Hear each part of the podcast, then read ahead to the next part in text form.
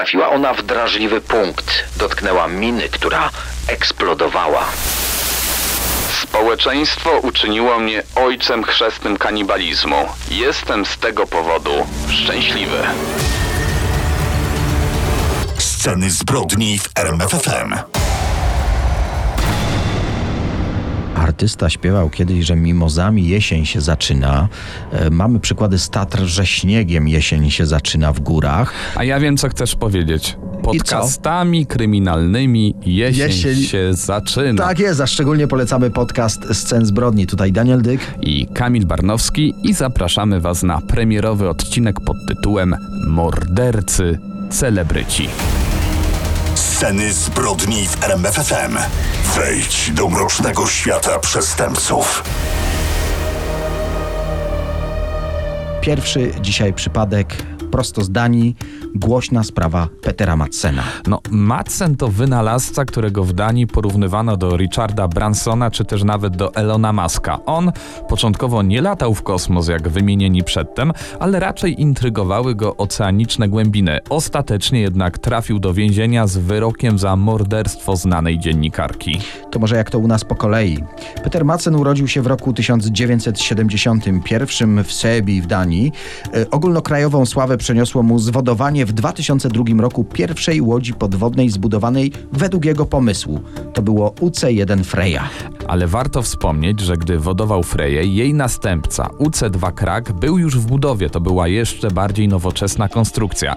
Ale to w roku 2008 powstało dzieło jego życia, a później także miejsce najgłośniejszej tragedii w Danii ostatnich lat UC3 Nautilus.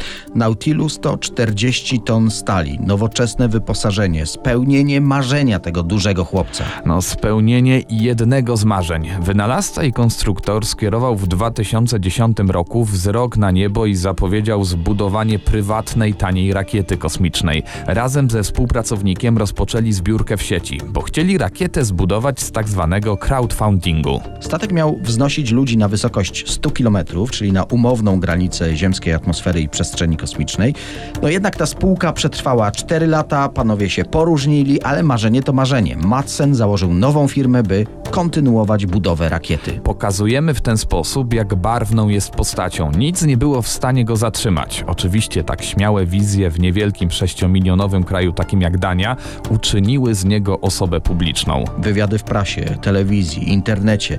I na jeden z takich wywiadów umówiła się z Madsenem szwedzka dziennikarka Kim Wall. Zaprosił ją na swój okręt podwodny w niezwykły rejs.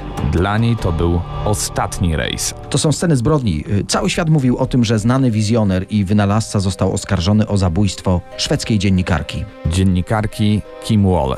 Jest 10 sierpnia 2017 roku. Ona wsiadła wtedy na pokład jego łodzi podwodnej UC3 Nautilus. Miała wtedy 30 lat. Pochodziła z Trelleborga. Wychowywała się na południu Szwecji. Później studia w Stanach, dziennikarstwo jako tak zwany freelancer, publikowała w najbardziej znanych pismach świata Time, The New York Times, Guardian, pisała na modne tematy, czyli głównie ekologia i prawa człowieka. Sporo podróżowała, najczęściej mieszkała w Nowym Jorku lub Pekinie. Nie bała się trudnych tematów i niebezpiecznych rejonów świata. Odwiedzała m.in. Koreę Północną, Sri Lankę, a nawet Haiti. Do bardzo bezpiecznej na tym tle Danii przyjechała specjalnie, by poznać Madsena, opisać jego dokonania, jego plany podboju kosmosu. Wsiadła na pokład jego łodzi, wzięli kurs na pełne morze. Co działo się na pokładzie, dowiedzieliśmy się wiele miesięcy później. Pytanie, czy znamy prawdziwą wersję. No to, co udało się poskładać w trakcie śledztwa i zeznań Madsena, o tym opowiemy za moment. Teraz skupmy się na chronologii zdarzeń. Okręt prawie całą noc pływał po wodach wokół Kopenhagi. Widziano go m.in. niedaleko wyspy Saltholm. Przepływał wokół niej koło północy. Później prawdopodobnie okręt się zanurzył, wypłynął na powierzchnię w piątkowy poranek. Widziano go w pobliżu tego słynnego mostu, który łączy Danię ze Szwecją. Właśnie wtedy przepływał w pobliżu kuter rybacki. Okręt podwodny zrównał się z nim i wówczas, jak twierdzi załoga kutra, Madsen zniknął na chwilę pod pokładem i łódź podwodna zaczęła tonąć. Z ich zeznań wynika, że właściciel okrętu podwodnego spokojnie patrzył, jak woda zalewa mostek i gdy łódź zaczęła znikać pod wodą, normalnie, jakby nigdy nic, ruszył wpław w kierunku kutra, ten zabrał wynalazcę na pokład. 17 godzin po wypłynięciu z portu w Kopenhadze Nautilus zatonął. Oczywiście taka historia nie mogła ujść uwadze mediów. Jedna z telewizji zapytała Madsena, jak tylko zszedł na ląd, co się stało. Odpowiedział, że był problem ze zbiornikiem balastowym. Ale co się stało z Kim Wall? Tego ranka narzeczony dziennikarki zaalarmował policję, że nie wróciła z rejsu. Jednostki duńskiej Straży Przybrzeżnej odnalazły zatopionego Nautilusa i już w sobotę wrak został wydobyty. Ale ciała dziennikarki nie było na pokładzie. Rusza wspólne śledztwo policji duńskiej i szwedzkiej. Na wszelki wypadek Petera Madsena aresztowano jako tego, który widział kobietę ostatni. Madsen zeznał policji, że jeszcze wieczorem, właściwie zaraz po zanurzeniu, bardzo szybko dziennikarka miała dość podróży, chciała wracać, no akurat przepływali niedaleko przystani Halvandet. Postanowił ją tam wyrzucić na brzeg, było około godziny 22. I mniej więcej wtedy Madsen napisał SMS-a do znajomego, że dziennikarka miała dość podróży, że zeszła z pokładu. Okolica tej przystani jest raczej odludna. Było ciemno, jednak wszędzie są kamery przemysłowe. Policja nie udzielała informacji, czy choć jedna z tych kamer zarejestrowała łódź Madsena i przede wszystkim, czy widziano Kim Wall. Opinia publiczna początkowo wierzy w niewinność tego słynnego wizjonera, chociaż niektóre media podają informację, że okręt został celowo zatopiony, by zatrzeć ewentualne ślady. Dziennikarkę uznano za zaginioną. Przez trzy tygodnie trwają jej intensywne poszukiwania, do czasu, gdy w morzu zaczęto odnajdywać dryfujące fragmenty jej poćwiartowanego ciała. Obiecaliśmy zrekonstruować dla słuchaczy ostatni dzień życia szwedzkiej dziennikarki Kim Wall. Jest czwartkowy wieczór, 10 sierpnia 2017 roku. Przystań w Kopenhadze. To tu cumuje 40-tonowy okręt podwodny UC3 Nautilus, skonstruowany przez duńskiego wynalazcę Petera Madsena. Madsen czeka na dziennikarkę na pokładzie. Ona wsiada, Nautilus odbija od brzegu. Kim Wall ma na sobie pomarańczowy kombinezon. Pozuje do zdjęcia, które jak się okazało, było jej ostatnim. Stoi na mostku, a obok niej, jak też się okazało, jej przyszły zabójca. Znamy już jego wersję zdarzeń, ale ta wersja pod naciskiem policji w trakcie przesłuchań, w trakcie ujawniania kolejnych dowodów, no zmieniała się. Przyjmuje się, że dziennikarka zadawała coraz więcej i coraz bardziej dociekliwe pytania, czy mogła w ten sposób wyprowadzić konstruktora łodzi podwodnej z równowagi. On chciał jej pokazać świat, który tak go fascynuje. A ona drążyła temat, jak to powiedział w późniejszym wywiadzie. Trafiła ona w drażliwy punkt, dotknęła miny, która eksplodowała. No jak to rozumieć? Czy uderzył ją w szale? Śledztwo skupiło się na tym, że została zamordowana przez wynalazcę jedynego człowieka, który był z nią wtedy na pokładzie. Brano pod uwagę także motyw seksualny.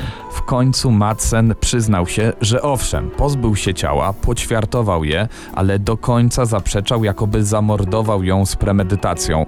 Na łodzi miało dojść do wypadku, miała uderzyć się w głowę i wskutek tego umrzeć. Ale też Madsen miał przedstawiać wersję, że dziennikarka pod pokładem po prostu zatruła się czadem. W każdym razie, no cały czas powtarzał, że to był wypadek, a on tylko pochował ją zgodnie z morską tradycją, zostawiając jej ciało na morzu. Miał pozbyć się ciała gdzieś w zatoce Koge. 21 sierpnia rowerzysta jadący nabrzeżem zauważył dryfujące przy brzegu ciało, właściwie korpus bez rąk i głowy. Badania DNA potwierdziły, że tak to zaginiona dziennikarka. Przez kolejne tygodnie odnajdywano fragmenty jej ciała, które Madsen obciążył metalowymi rurkami, by nigdy nie wypłynęły na powierzchnię. No i cały czas trwało śledztwo. W końcu zebrano na tyle mocne dowody, że mógł ruszyć proces. Krótki. Pierwsza rozprawa odbyła się w marcu 2018 roku, a już w kwietniu sąd uznał, że Madsen jest winny morderstwa z premedytacją i napaści na tle seksualnym. Prosił o łagodny wyrok. Skazano go na karę dożywotniego więzienia.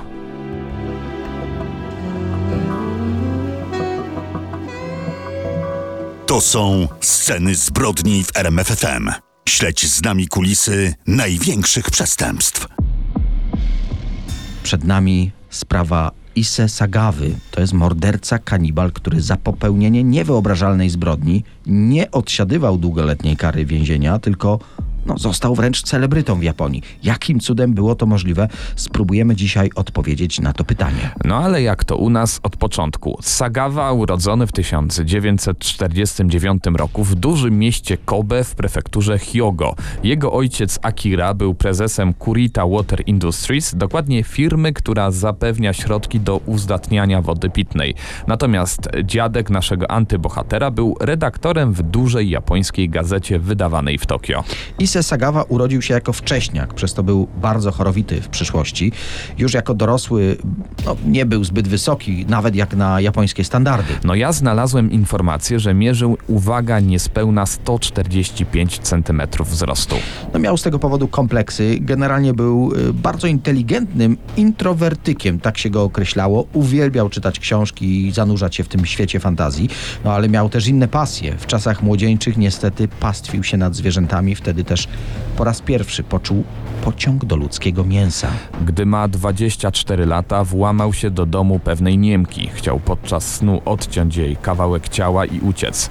Całe szczęście kobieta przebudziła się i Sagawa został złapany przez policję. Mężczyzna nie przyznał się, co było jego prawdziwym zamiarem, dlatego został oskarżony o próbę gwałtu. Sprawa ostatecznie zakończyła się ugodą obu stron. Wszystko oczywiście dzięki ojcu oskarżonego, który był bardzo wpływowy, bardzo majętny, zapłacił ofierze sporą ilość pieniędzy. Mordercze szaleństwo Sagawy nie dawało o sobie zapomnieć. Tak naprawdę było tylko kwestią czasu, kiedy dojdzie do najgorszego. W 1977 roku przenosi się do Paryża, dokładnie na Uniwersytet w Sorbonie. I właśnie w stolicy Francji zapraszał do swojego domu prostytutki, które planował zamordować. I tak docieramy do czerwca 1981 roku.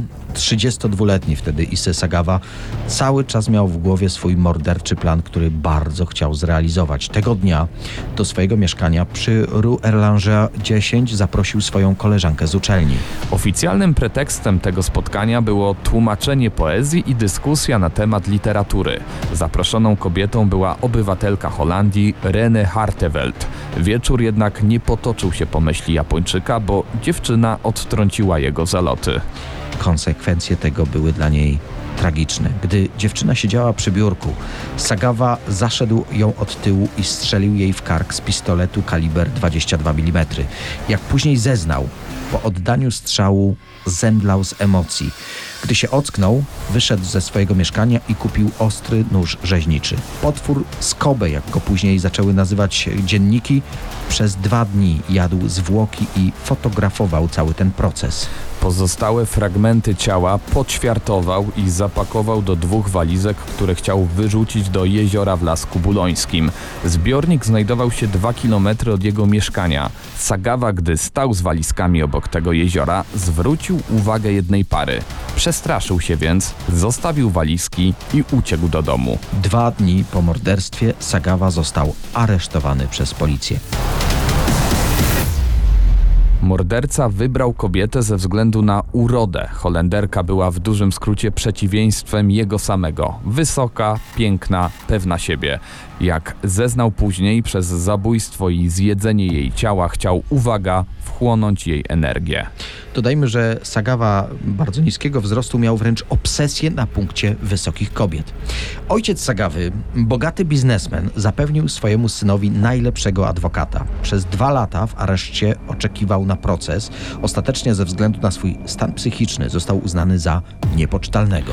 W związku z tym, że nie mógł stanąć przed sądem, finalnie umieszczono go bezterminowo w zamkniętym zakładzie psychiatrycznym. Trzech badających go psychiatrów orzekło wtedy, że nigdy nie zostanie wyleczony. We francuskiej placówce mordercę odwiedził znany japoński pisarz, który opublikował zeznania Sagawy w książce pod tytułem We mgle.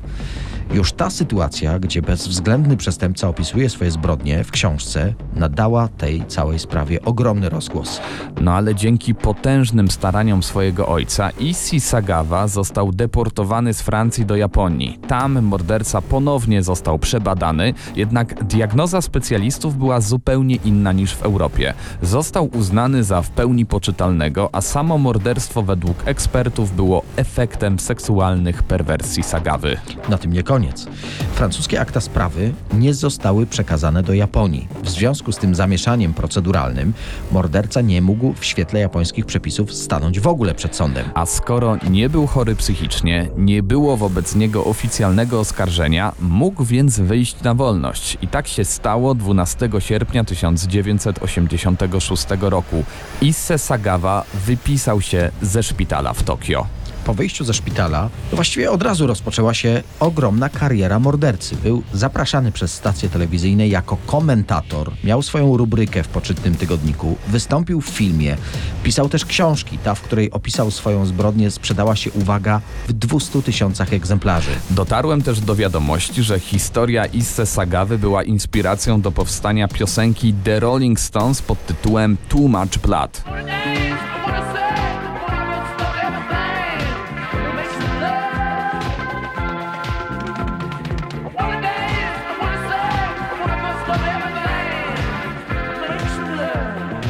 Piosenka była dokładnie wyrazem oburzenia wobec wszechobecnej przemocy w mediach. Oczywiście ta sprawa wywoływała ogromne emocje. Mieszkańcy Japonii byli zszokowani, że jednak istnieje zbrodnia bez kary. Panowało ogólne przekonanie, że Sagawa uniknął więzienia ze względu na znajomości swojego ojca. No on dostał po wszystkim paszport, mógł podróżować, mógł żyć jak zupełnie normalny obywatel. Generalnie morderca czuł się nawet dumny z tego, co zrobił. Jak sam powiedział w jednym z wywiadów, społeczeństwo uczyniło mnie ojcem chrzestnym kanibalizmu. Jestem z tego powodu szczęśliwy. Co niezwykle szokujące w kontekście tego, co zrobił, na wielu zdjęciach pozował z wielkimi kawałkami mięsa z rozpromienioną twarzą. On usprawiedliwiał swoją nieludzką zbrodnię i przekonywał, tutaj cytuję, kanibalizm to nic strasznego. Na swojej stronie internetowej prezentował nawet obrazy, na których przedstawiał różne części kobiecego ciała. To, że Isse Sagawa zrobił jakąś karierę na swojej zbrodni, nie oznacza, że w społeczeństwie zostało mu to w ogóle zapomniane. On nie mógł znaleźć wydawcy dla tych swoich przerażających książek, miał też trudności w znalezieniu pracy. W 2011 roku udzielił głośnego wywiadu dla magazynu Vice. W sposób otwarty opowiadał tam, że nadal ma skłonności kanibalistyczne, że marzy o tym, żeby po raz kolejny kogoś zjeść zanim umrze. Zwierzał się, że tym razem chciałby zjeść Japonkę. W 2013 roku Sagawa trafił do szpitala z objawami udaru mózgu. W wyniku choroby cierpi na częściowy paraliż ciała. Po śmierci swoich rodziców zamieszkał sam i aktualnie wymaga całodobowej opieki. Ale musimy zaznaczyć to, że w całym tym medialnym zamieszaniu zapomina się o tym, że Sagawa zamordował zupełnie niewinną osobę. Kobietę, która była bardzo młoda, która miała swoją rodzinę, która miała swoich przyjaciół i plany na przyszłość. Jej życie zostało przerwane przez bestię, która właściwie nie poniosła żadnych konsekwencji swoich czynów. Dodajmy jeszcze, że w 2018 roku powstał kontrowersyjny dokument o kanibalu z zatytułowany Kaniba. Film gościł na znanych festiwalach filmowych w Wenecji, w Nowym Jorku. Twórcy ostrzegają, żeby przed obejrzeniem tego filmu wstrzymać się ze spożywaniem posiłków. Daniel Dyk i Kamil Barnowski prezentują Sceny zbrodni w RMFFM.